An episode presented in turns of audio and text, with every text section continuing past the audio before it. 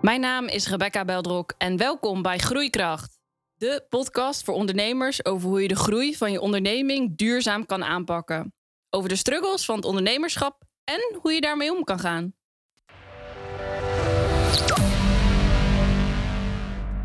We moeten het even hebben over verandering. Veel mensen vinden verandering moeilijk, maar in de businesswereld is het belangrijk om mee te gaan met de tijd. Stilstaan is achteruit gaan.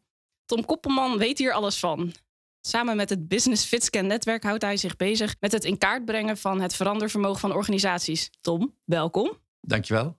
We gaan het vandaag hebben over het verandervermogen van organisaties en mensen, maar ook over wat je heeft bewogen om te ondernemen, hoe je dat aanpakt en welke struggles je bent tegengekomen. Let's dive in. Ja, is goed.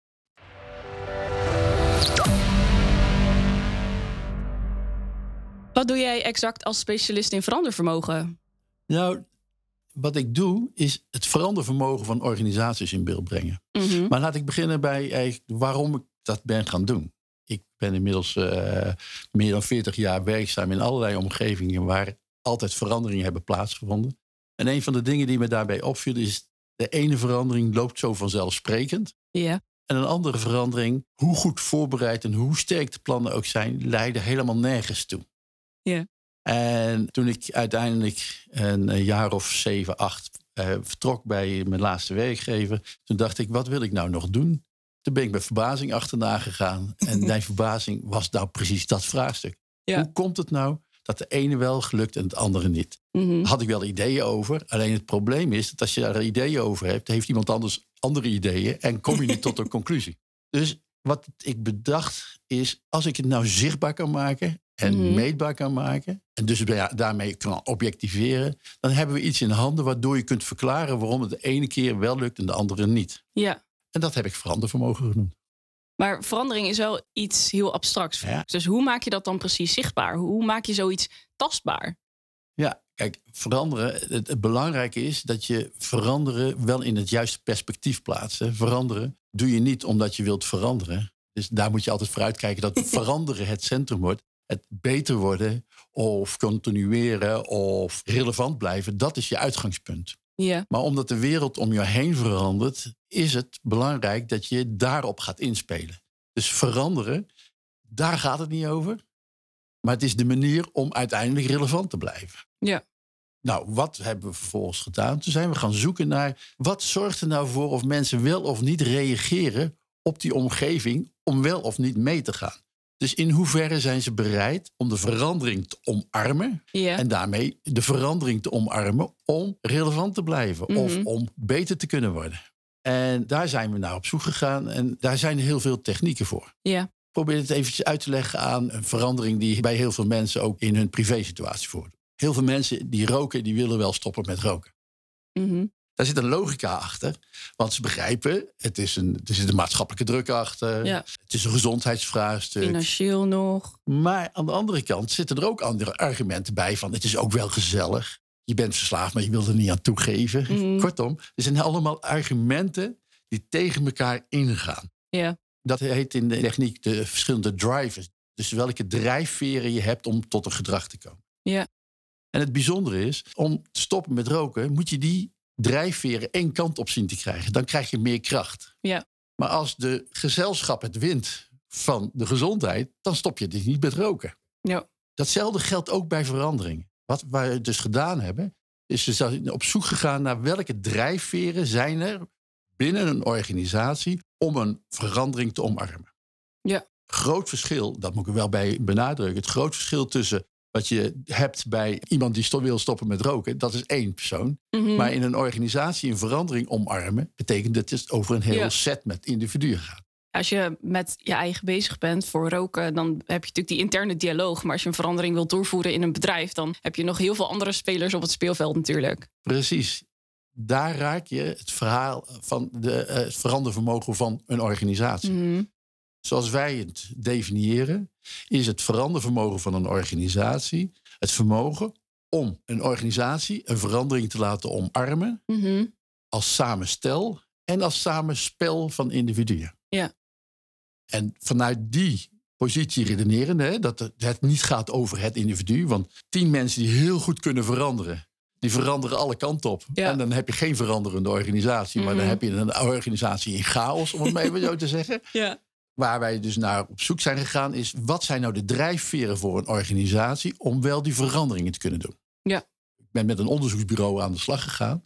Want ik dacht bij mezelf, ja, ik kan er wel in mijn eentje naar gaan kijken. Maar we hebben dus gewoon onderzoek nodig. Ja. En ik heb een gerenommeerd onderzoeksbedrijf, wat meer dan al 40 jaar al dit soort onderzoeken gedaan heeft. Ja. Wat overigens weer samenwerkt met een bedrijf wat al 90 jaar dit soort onderzoeken doet. dus, we hebben, dus ik ben wel met partijen in zee gegaan die heel veel ervaring hebben met gedrag en dat soort zaken. Ja. En we zijn op zoek gegaan naar wat zijn nou de drijfveren van eh, een organisatie om wel of niet tot veranderingen te komen. Ja. En we hebben daar vijf gedefinieerd. Vijf. Vijf. Oké. We hebben er veel meer getest, maar uiteindelijk bleken er maar vijf echt relevant te zijn. Dat zie je zelf als bij roken. Mhm. Je moet een noodzaak voelen om te stoppen. Anders Ja. wordt die vraag niet eens opgeworpen. Dus er moet een, vorm van noodzaak zijn. Dus in een organisatie moet er een noodzaak zijn om tot een verandering te komen. En die noodzaak, die kent allerlei verschillende aspecten. Dat, misschien dat we daar nog aan toe komen, maar ik ben bang dat het dan veel te diep gaat.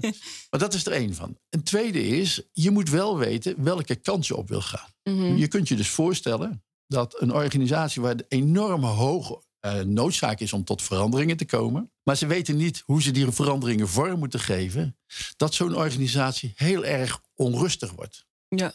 En wij hebben een aantal van dat soort bedrijven ook ge- geanalyseerd en ze ook geholpen met dat vraagstuk. En dan zeiden we, ja jongens, jullie zien dat de noodzaak belangrijk is. Dus je drukt dat het moet, het moet, het moet. Maar je Ja. zegt niet hoe het moet. Of Nee. je zegt het wel, maar de mensen begrijpen niet wat je ermee bedoelt. Mhm. En daarom ontstaat er heel veel onrust in een organisatie. En krijg je precies het tegenovergestelde.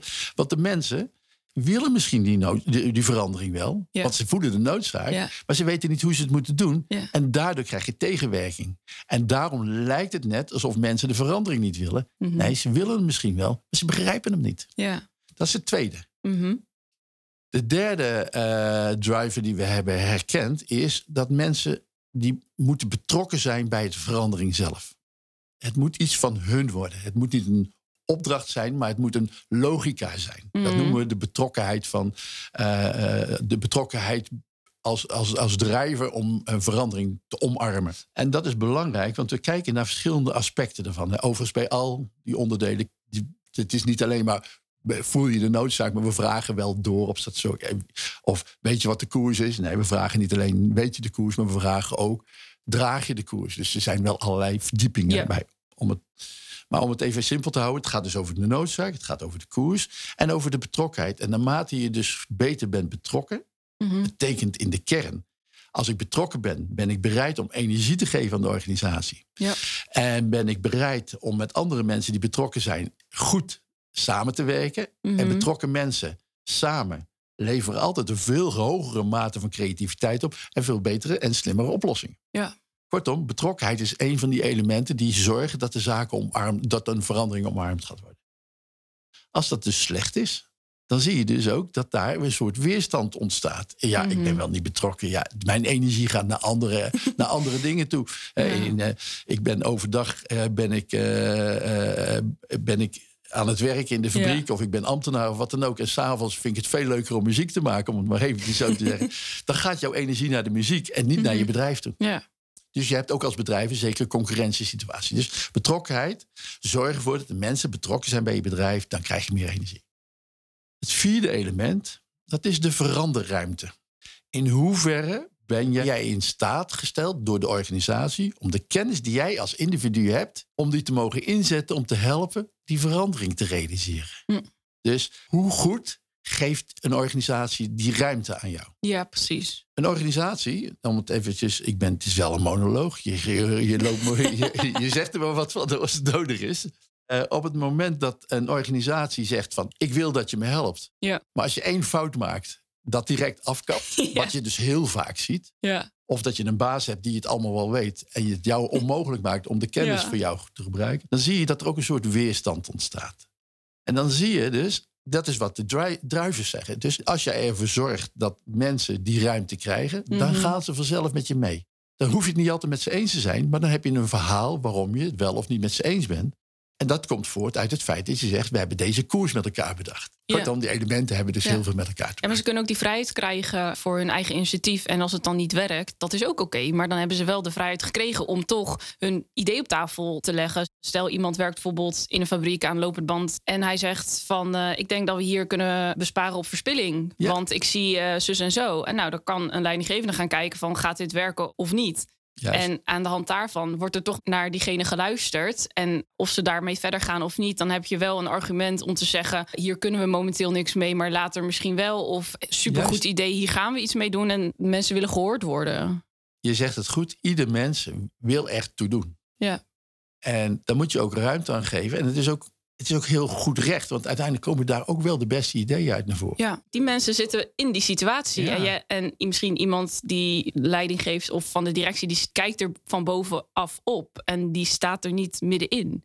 Ik heb, eh, ik heb grote afdelingen geleid en ik had altijd een, eh, iemand rondlopen bij die afdelingen die zei: Als er iets is wat andere mensen graag willen of denken dat het beter is, dan ga jij daarnaar luisteren. Of als je een probleem zich voordoet, ga jij dat oplossen. Ja. Omdat ik wilde voorkomen dat we een systeem gingen bouwen wat 100% dicht was. Want dan, ah, dan is niemand er meer toe, doet niemand er meer toe. Maar Ja. los daarvan, dat is altijd zo. Kijk, die laatste 10% dichttimmeren kost je natuurlijk een, een, een, een enorme inspanning. Ja. Dus het was beter om op die manier te doen. En wat deed die man? Die deed niks anders dan rondlopen en luisteren wat er ideeën waren. En daarin heb ik, in, in die omgeving, heb ik dus enorm geleerd dat er altijd goede ideeën zijn. Mhm. Er zijn ook goede ideeën die helemaal niet passen bij de koers die je wil zetten, maar die Ja. kun je dan uitleggen. Ja. Daarmee blijkt, wordt het geen slecht idee, maar is het voor jou niet van toepassing. Ja. Maar ik zal je vertellen dat wij in een aantal jaren, ik heb die afdeling vijf jaar mogen leiden, dat wij 200 ideeën hebben gekregen uit de organisatie zelf. Mhm. Dat waren hele kleine ideetjes. En hele grote ideeën door elkaar heen. Die we hebben kunnen doorvoeren omdat mensen zelf zeiden: van, waarom doen we het eigenlijk op deze manier, niet op deze manier? Ja. En dat geeft ook heel veel dynamiek. Ja. En omdat het gebeurde, ontstond er dus ook een soort van zelfsprekendheid dat iedereen daarmee bezig was. En wat het verrassende daarvan was, die zei: jongens, we- we zijn eigenlijk altijd met veranderingen bezig. Maar de mensen ervoeren het helemaal niet als een verandering. Ze ervoeren het als: ja, maar het is toch logisch dat we dit doen. Ja. En zo zie je dat, daar waar we aan het begin over hadden, kijk uit dat de verandering het onderwerp wordt. Het onderwerp is je organisatie. Ja. Alleen om als organisatie relevant te blijven, moet je die verandering ingaan. Om dat proces te goed te doorlopen, moet je goed verandervermogen hebben. Ja. Dat verandervermogen is niet een project. Verandervermogen is een manier van denken en is eigenlijk een continue reis. Mhm. Want wat wij zien, ik kom zo meteen op het vijfde aspect, Ja. hè, die moeten we niet vergeten. Nee. Wat wij continu zien, is dat organisaties heel veel ambities en doelen uitspreken. Mhm. En vervolgens gaan zitten wachten en zeggen tegen de organisatie: Kijk, dit willen wij, ga het maar doen. Ja. Terwijl veranderen en naar het doel komen is natuurlijk een proces, is een activiteit. Een ambitie stellen is een doel stellen, maar de activiteit om het te komen, daar gaat het over. Ja. En een organisatie met goed verandervermogen, die dus weet van waarom doen we de dingen, de noodzaak. Zo doen we de dingen, de koers. Hé, hey, ik mag meedoen. En ze vinden het leuk dat ik meedoe, hè? Mhm. de veranderruimte en de betrokkenheid. Als je die één kant op weet te brengen, dan gaat een organisatie werken. Ja. En dan ga ik toch maar even naar de vijfde. Ja. En dan ga ik vertellen waar we op sturen. Dat is natuurlijk belangrijk. Hè? Die vijfde is de belemmeringen. Mhm. Mensen ervaren in hun werk natuurlijk allerlei belemmeringen. Maar we proberen het altijd te hebben over de onnodige belemmeringen. Een boekhoudsysteem waarin je nog steeds met pen dingen moet opschrijven, daar heb je last van. Want een systeem wat nieuw is, kan veel praktischer werken. Ja. Dat geldt voor heel veel omgevingen. Systemen zijn vaak een soort routine. eh, waarbij je eh, eh, die, als je op een andere manier, als je een verandering wil doorvoeren, nog wel eens in de weg staan. Mhm. Maar er zijn ook dingen waar je last van hebt die wel noodzakelijk zijn. Als jij in de bouw werkt en je moet een helm op, dan kun je wel zeggen: Ik heb last van de helm. Maar die heb je nog wel nodig voor de veiligheid. Dat heeft een doel. Dus Ja. wij maken bij belemmeringen altijd het onderscheid tussen belemmeringen die echt functionele belemmeringen zijn. Ja. En belemmeringen die onnodig zijn, die jou dus tegenwerken in het veranderingsproces. Ja. Nou, dat is het vijfde deel. En eh, als je dat op die manier neerzet, dan zie je eigenlijk een soort raket ontstaan. Want Ik maak het me altijd een beetje beelden. dan zeggen wij, moet luisteren. Je hebt een noodzaak, dat is je startmotor. Ja. Daarmee ga je in de gang. Je hebt de raket zelf, die geeft de koers aan. Die kant gaan we op. je hebt twee hulpmotoren die zorgen dat je op koers blijft. Dat is verandervermogen en dat de betrokkenheid. Ja. Die zorgt ervoor dat je op koers blijft. En de weerstand, dat zijn, zijn de belemmeringen. Daar moet je doorheen om uiteindelijk je doelen te bereiken. Wat wij nou doen, en dat maakt het nu interessant, is bij organisaties meten hoe goed die drivers zijn ontwikkeld. Mhm. Dus wij vragen aan mensen: snap je dat de dingen moeten veranderen? Snap je wat de organisatie bedoelt waar je heen zou willen gaan? Ja. Geeft de organisatie jou het gevoel dat je erbij hoort? Geeft de organisatie de ruimte om jouw ideeën neer te zetten? Helpt de organisatie belemmeringen weg te halen? Mhm. Dat zijn eigenlijk de vragen die wij stellen. En omdat we die over de hele organisatie heen stellen, hebben we een beeld over hoe mensen denken over hun eigen organisatie. Ja. En daarin kunnen we dus meten welke drivers tegen de andere drivers ingaan. Dus als er een hoge noodzaak is met een slechte koers, dan weet je, de ene driver die gaat van we moeten veranderen. De Ja. andere driver zegt nee, die gaat er tegenin. En door die dingen bij elkaar in beeld te brengen, kun je dus ook sturing geven aan het verandervermogen van de organisatie. Dus we Ja. meten het niet alleen. We stellen een diagnose op en we Mhm. geven een advies af. Als je nou hieraan gaat werken, dan heb je een grotere kans dat het gaat werken voor jou. Ja, precies. En toch nog even terug naar de vraag, want Ja. dat zijn wel allemaal hele abstracte eh, indicatoren. Dat kan Ja. je niet zeggen, hey, het is zoveel procent of eh, dat is een beetje aanvoelen subjectief. Dus hoe maak je die dan echt tastbaar voor een organisatie? Nou, wij maken ze dus wel meetbaar. We geven er inderdaad percentages aan. Ja. En wij zetten het ook af tegen een soort benchmark. Dus je weet ook hoe goed je ten opzichte van een ander staat. Nou gaat het natuurlijk niet, je bent niet aan het concurreren met een ander. Je bent Nee. natuurlijk zo goed en zo relevant mogelijk proberen te zijn. Ja. Maar het helpt wel je een beetje een beeld bij te geven. Ja. En in mei komt de vierde nationale benchmark verandervermogen uit in Ja. Nederland. En daarin gaan we opnieuw aangeven hoe goed Nederland of hoe slecht Nederland is in het ontwikkelen van verandervermogen. Daarmee Ja. zeg ik niet dat ze altijd slecht zijn in veranderen, maar hun verandervermogen. Dus je kunt beter en slimmer veranderen. Ja, maar dat is ook je startpunt. Dat betekent niet dat je een verandering nooit kan doorvoeren. Maar dat is wel een beeld van, oh, we hebben dus de mensen die zijn niet betrokken. Hier moeten we iets mee. Juist. Om die verandering door te voeren. Juist. Of mensen ervaren heel veel belemmeringen. Die moeten we voor ze wegnemen. Moet, moet je je voorstellen, we hebben laatst een opdracht uitgevoerd bij een organisatie. En het management die zei van ja, wij weten toch precies wat we willen met elkaar. ja, je, je herkent het waarschijnlijk. ja. En iedereen in die organisatie zei, er moet wat veranderen. Ja. Echt 100% zei, of op korte termijn of op middellange termijn moet er wat gaan gebeuren, want anders hebben wij geen functie meer hier. Ja. Daar kwam het eigenlijk op neer. Toen zijn we gaan testen wat er aan de hand was. En wat bleek nu? De gedachte die het management was, was niet meer dan een ambitie. De Mhm. mensen begrepen niets wat de koers was. Die, snap, die zeiden, ja, we, we snappen wel wat ze willen, maar we snappen niet hoe we daar moeten komen. ja. Dus dan zag je, zag je dus een enorm gat tussen wat het management dacht dat de mensen begrepen Ja. en de mensen daadwerkelijk begrepen. Ja. En door dat op die manier zichtbaar te maken, werd ineens voor iedereen duidelijk waar ze het beste aan zouden kunnen sleutelen om er een kans van te maken. Dat is uiteindelijk wat je doet. En natuurlijk, het is abstract, zoals ik er nu over praat met jou, is Mhm. het abstract omdat we over een model praten. Maar we weten uit de praktijk dat het enorm goed helpt. Wat, wat gebeurt er als je zo'n meting hebt gedaan bij een organisatie? Dan zien ze die cijfers. Ga ervan uit, ze schrikken bijna allemaal. Ja. Kijk, heel veel strategie in organisaties is op hoop van zegen.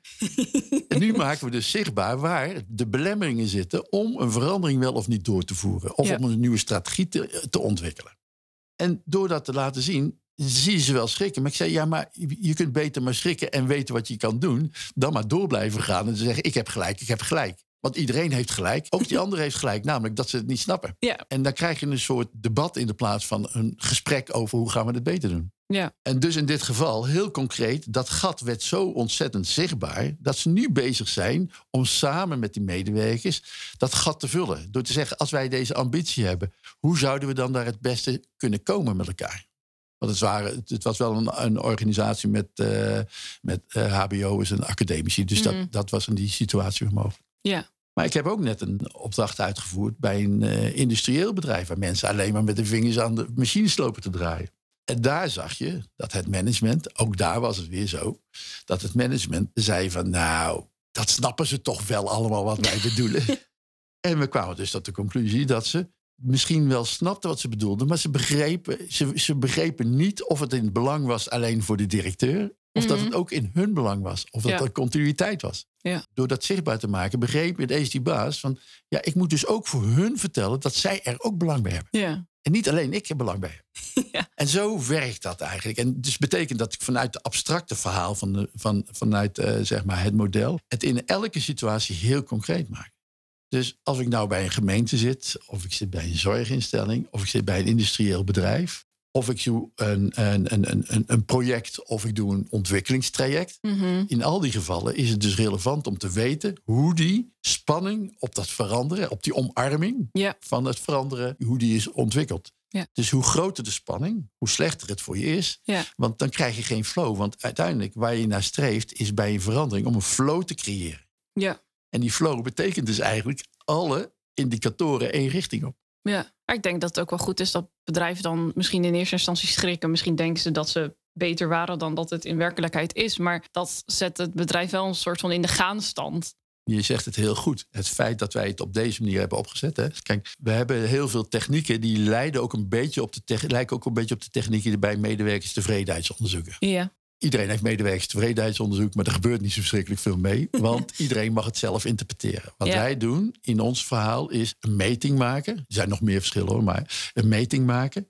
Vervolgens zeggen wij, oké, wat staat daar? Overigens, iedereen die een meting wil hebben, krijgt van ons verplicht de workshop, zodat ze resultaten kunnen meten. Ze kunnen begrijpen. ja, Want als je niet kunt lezen wat er staat, ja. eh, kijk, als jij nooit les hebt gehad in het Chinees, dan blijven het Chinese tekens. Ja? en anders worden het begrippen. Dat Ja. is een, beetje het verhaal wat hier ook achter zit. En we hebben gezegd, wij willen dus dat op het moment dat je zo'n rapport krijgt, je het kunt lezen.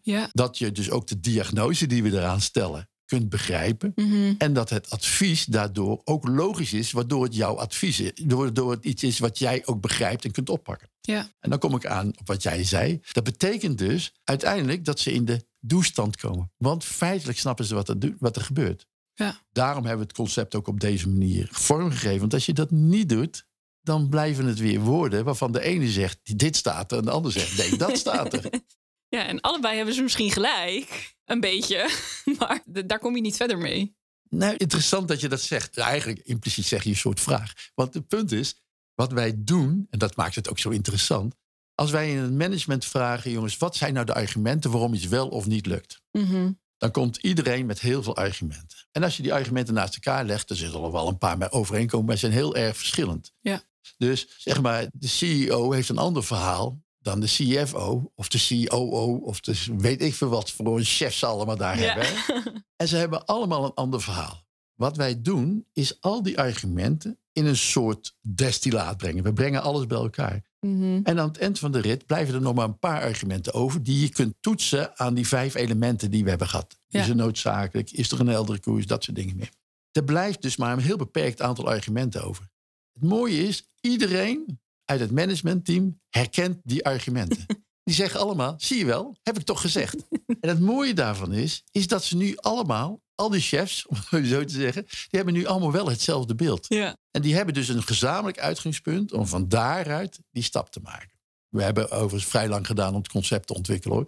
Eh, dus ik praat er nu over. En we hebben praten 20 minuten over een concept waar ik een paar jaar over gedaan heb om te ontwikkelen. En, maar het heeft uiteindelijk ertoe geleid dat je dus vanuit een gezamenlijk beeld de vervolgstappen kunt maken. Omdat Ja. je met elkaar begrijpt, oh ze begrijpen de koers niet. Of ze hebben voelen de noodzaak niet. Of we betrekken ze te weinig. Of ze hebben veel te veel last van de weerstanden die wij. Maar laten we ons bezighouden met dat soort dingen weghalen. Ja. Nou, dat is eigenlijk.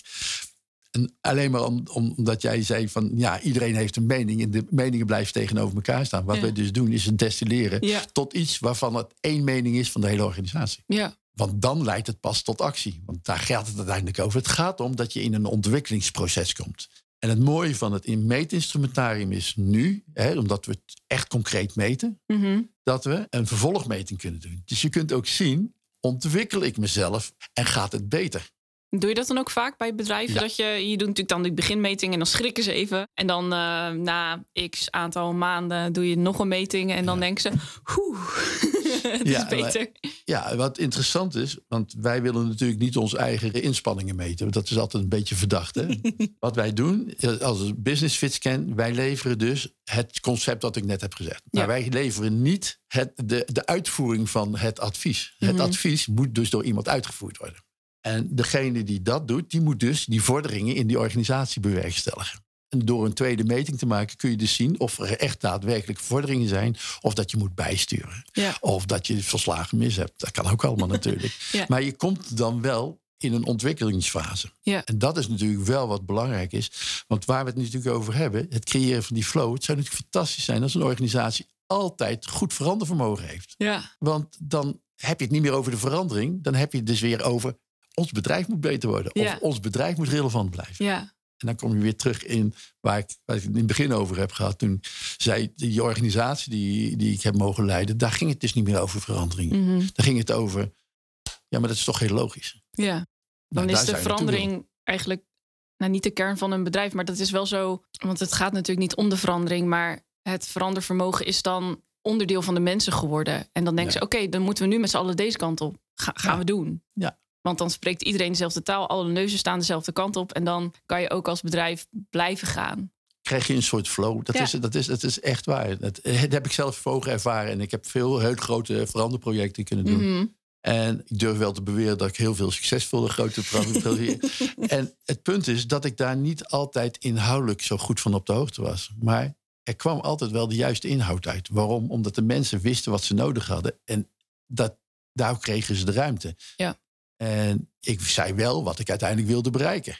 Ik hield wel eh, de koers vast. Ik hield wel, laat ik zo zeggen, de maan liet ik wel op dezelfde plaats staan. Hè, zodat we niet eh, elke keer dachten van waar gaan we nu weer heen koersen. Ja. Hè, dus het doel bleef wel op dezelfde plek. Daar, Ja. dat, is, dat, is, dat is wel.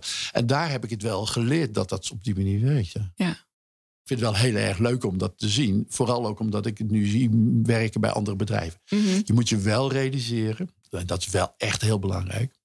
Uiteindelijk, het gaat over de reis. Hè. We hebben het Ja. al over, het is de reis om ergens te komen. Dan heb je wel een reisleider nodig. Ja. De leider. die moet natuurlijk wel altijd zorgen dat die elementen op de juiste manier gericht blijven. Ja. En wat wij zien is dat een aantal leiders dat heel goed kan. Mhm. En als die dit weten, dan kunnen ze echt heel veel beter worden. Maar als iemand dit niet begrijpt, dan is hij dus A, geen leider. Maar wij zijn niet in staat om met een methodiek of een tooltje van een niet-leider een goede leider te Nee. maken. Dus dan, dan moet je je ook goed realiseren. Ja. Het blijft dus natuurlijk nog steeds een middel om het beter te doen.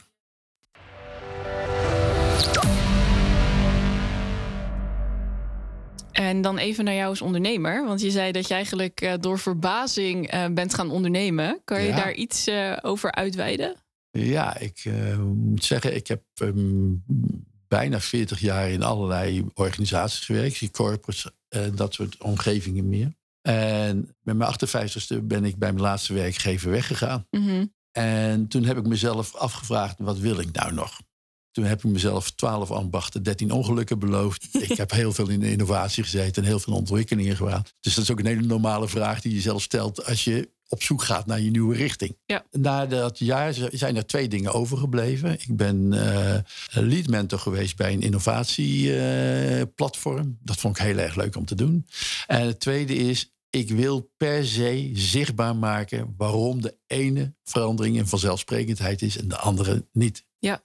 Omdat ik me daar zo enorm over verbaasd heb. En ook heel veel mensen met hele mooie verhalen de grootste mislukkingen heb zien maken. Terwijl Ja. ik dacht, het kan ook anders. Ja. En zo zijn we op zoek gegaan. En eh, omdat ik het geluk had dat ik daar niet financieel van afhankelijk was, heb ik daar de tijd voor kunnen nemen. Ja. En ben ik op zoek gegaan naar partijen die me daarbij konden helpen. En zo ben ik bij het onderzoeksbedrijf terechtgekomen. Ja.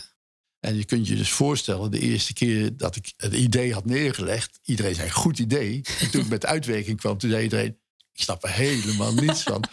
En vanuit, vanuit die positie hebben we elke keer geprobeerd een stap te maken. En zo Ja. hebben we dus echt een ontwikkeltraject gedaan, waarbij we uiteindelijk terecht zijn gekomen bij iets wat we van tevoren niet, niet 1, 2, 3 zo bedacht hebben. Maar ja, zo werken innovaties. Ja, zeker. Dus daar, daar is het mee begonnen.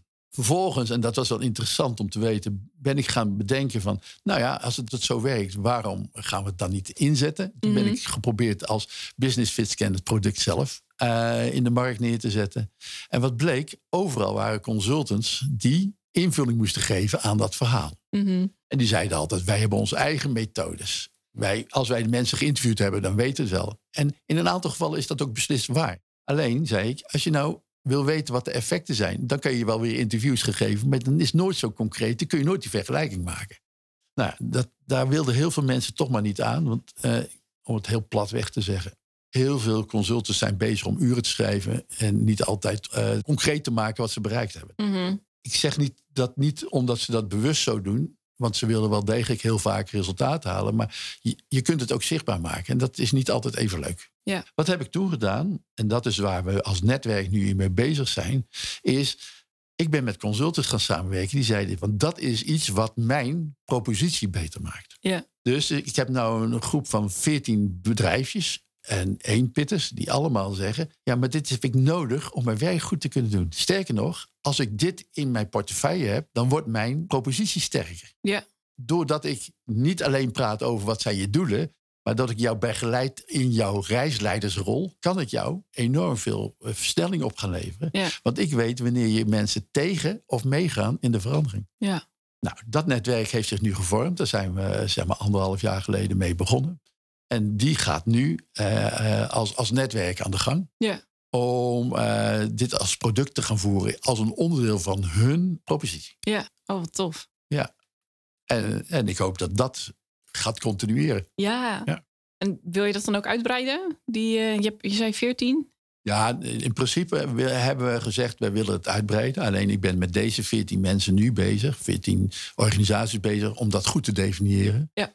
Want wat ik wil voorkomen is dat zometeen Business Fitscan nog alleen maar zelf een goed idee is gebleven en er voor de rest niet zoveel gebeurt. Ja. Eh, maar dat het ook daadwerkelijk gebruikt gaat worden. Mhm. Als je kijkt naar mijn, mijn ambitie en mijn visie, is het eigenlijk, eh, mijn ambitie is, verandervermogen is eigenlijk een, een, een kerncompetentie van elke toekomstgerichte organisatie. Ja. Dat klinkt vrij logisch na dit verhaal.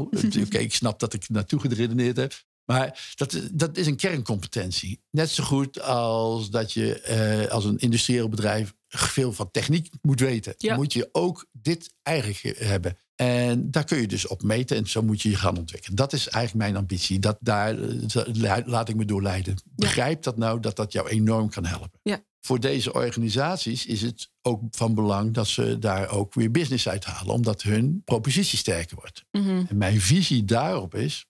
Ik denk dat de eerstkomende jaren de vraag naar advisering heel groot gaat worden. Ja.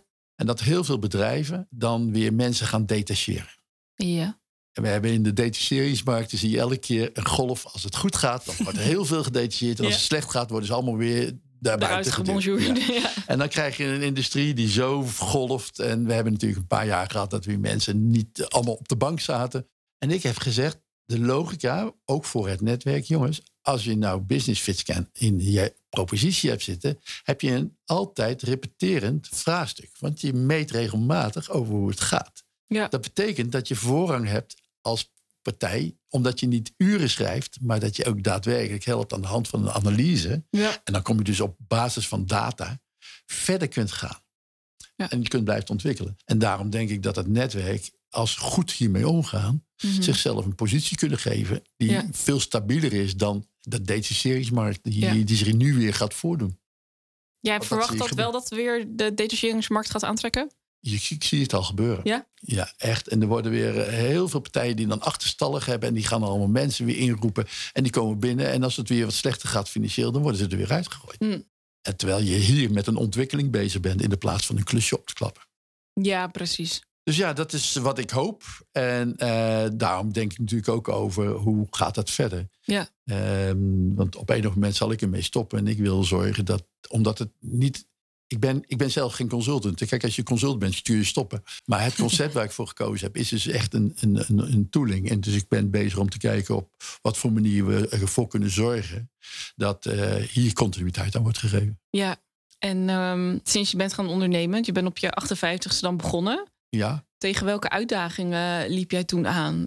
En hoe ben je daarmee omgegaan? Nou, Kijk, ik heb heel veel uh, het geluk gehad dat ik mocht ondernemen binnen bedrijven, binnen concerns. Ik heb bedrijfsonderdelen op mogen zetten. Ik heb Mhm. nieuwe producten mogen introduceren. Eh, organisatieonderdelen die helemaal in de vernieling zaten, weer opnieuw mogen neerzetten. Echt. Dus ik heb eigenlijk wel mogen ondernemen. Daarin heb ik ook al ervaren dat eh, je hebt een zekere vorm van doorzettingsvermogen nodig. Ja. En je moet de ruimte hebben om dat doorzettingsvermogen vorm te geven.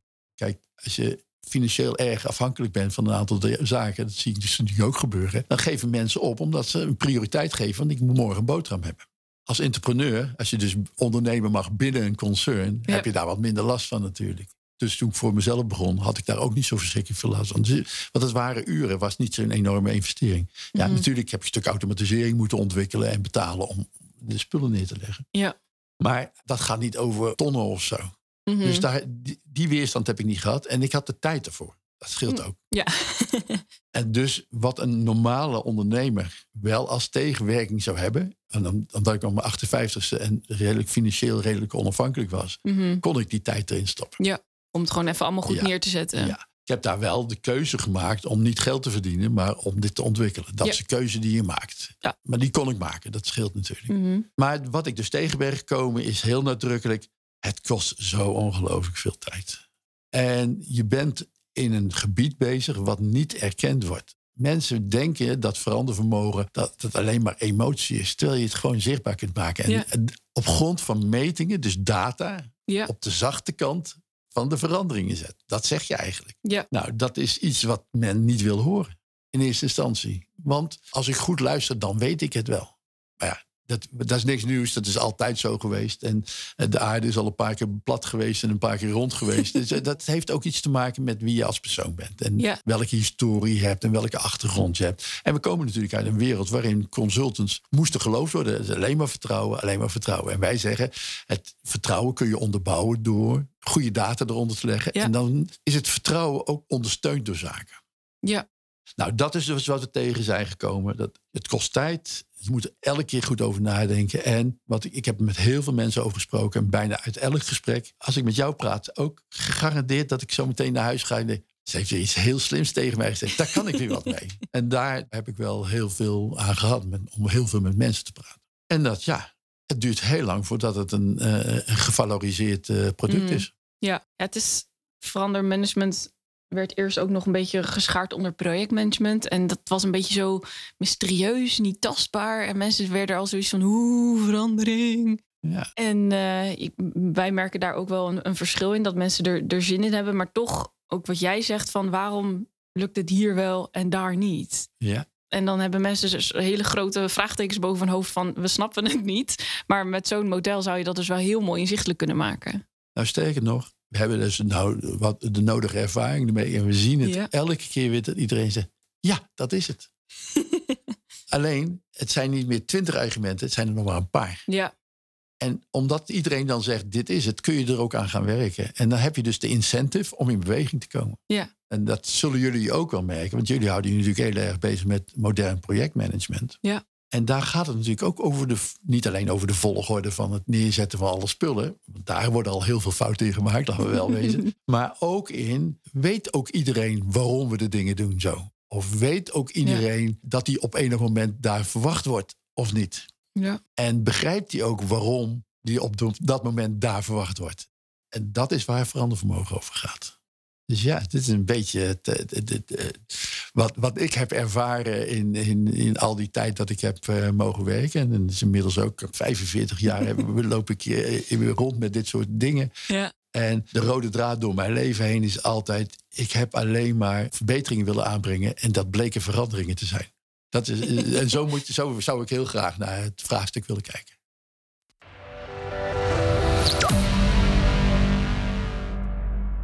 En met de ervaring die je de afgelopen tijd hebt eh, opgedaan, als je nu vooruitkijkt naar de toekomst en de branche en je eigen bedrijf. Je zei al van, nou, we zien in de branche dat er detachering weer oppakt. Ja. Welke ontwikkelingen eh, verwacht jij? Ja, weet je, nou ga ik even aan wishful thinking doen. Dus ik weet niet of dat per se een ontwikkeling is die eh, zich gaat voordoen. Maar ik hoop, en dat is echt een, een hoop, dat mensen begrijpen dat change management iets meer is dan ik ben een change manager. Want Mhm. het is geen beschermde titel, dus iedereen is het. Hè? Ja. En dat maakt het ook heel spannend. Mhm. En als je me vertrouwt, ben ik jouw change manager. Nou, en, en dat we daar een soort vak van kunnen maken, waardoor je niet alleen maar op het feit dat je de, zeg maar de, de intercepties goed kan doen, maar dat je Mhm. ook begrijpt waarom je die intercepties doet. Ja. Niet alleen maar op buikgevoel, maar ook gewoon op datagevoel. Ja. En eerlijk gezegd hoop ik dat. En verwacht ik dat? Dat vind ik zo moeilijk om te zeggen. het, zou, het zou een enorme stap zijn in de volwassenheid van het vak. Ja. En ik hoop dat eh, het vak wat zich altijd bemoeit met de ontwikkeling van organisaties bij anderen, zichzelf ook gaat ontwikkelen. Want vergeet niet, ik vind consultancy, en daarom vind ik het ook wel leuk dat jullie zo bezighouden met het nieuwe projectmanagement, dat de consultancy heel ouderwets is nog. Ja. Het ontwikkelt zich nog steeds van, als ik dit zeg, dan zal het wel zo zijn. Ga het maar proberen. Ja. Terwijl we nu eh, gewoon hulpmiddelen hebben die zichtbaar kunnen maken over hoe je je het beste kunt ontwikkelen.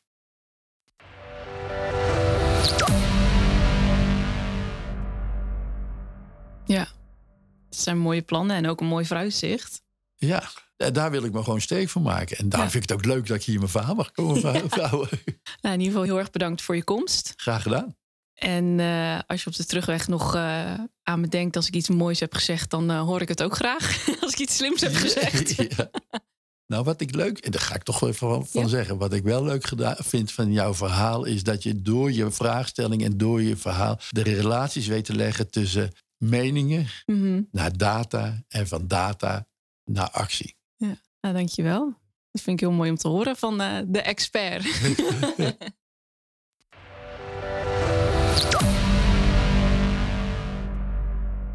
Beste luisteraars, wat denken jullie? Wij zijn erg benieuwd naar jouw mening. Laat het ons weten via Instagram, adaptinnovatie. En ben je benieuwd wat wij allemaal nog meer doen? Check onze website innovatie.adapt.nl of volg ons op LinkedIn. Bedankt voor het luisteren en houd deze podcast goed in de gaten. Binnenkort zijn wij weer terug met een nieuwe aflevering.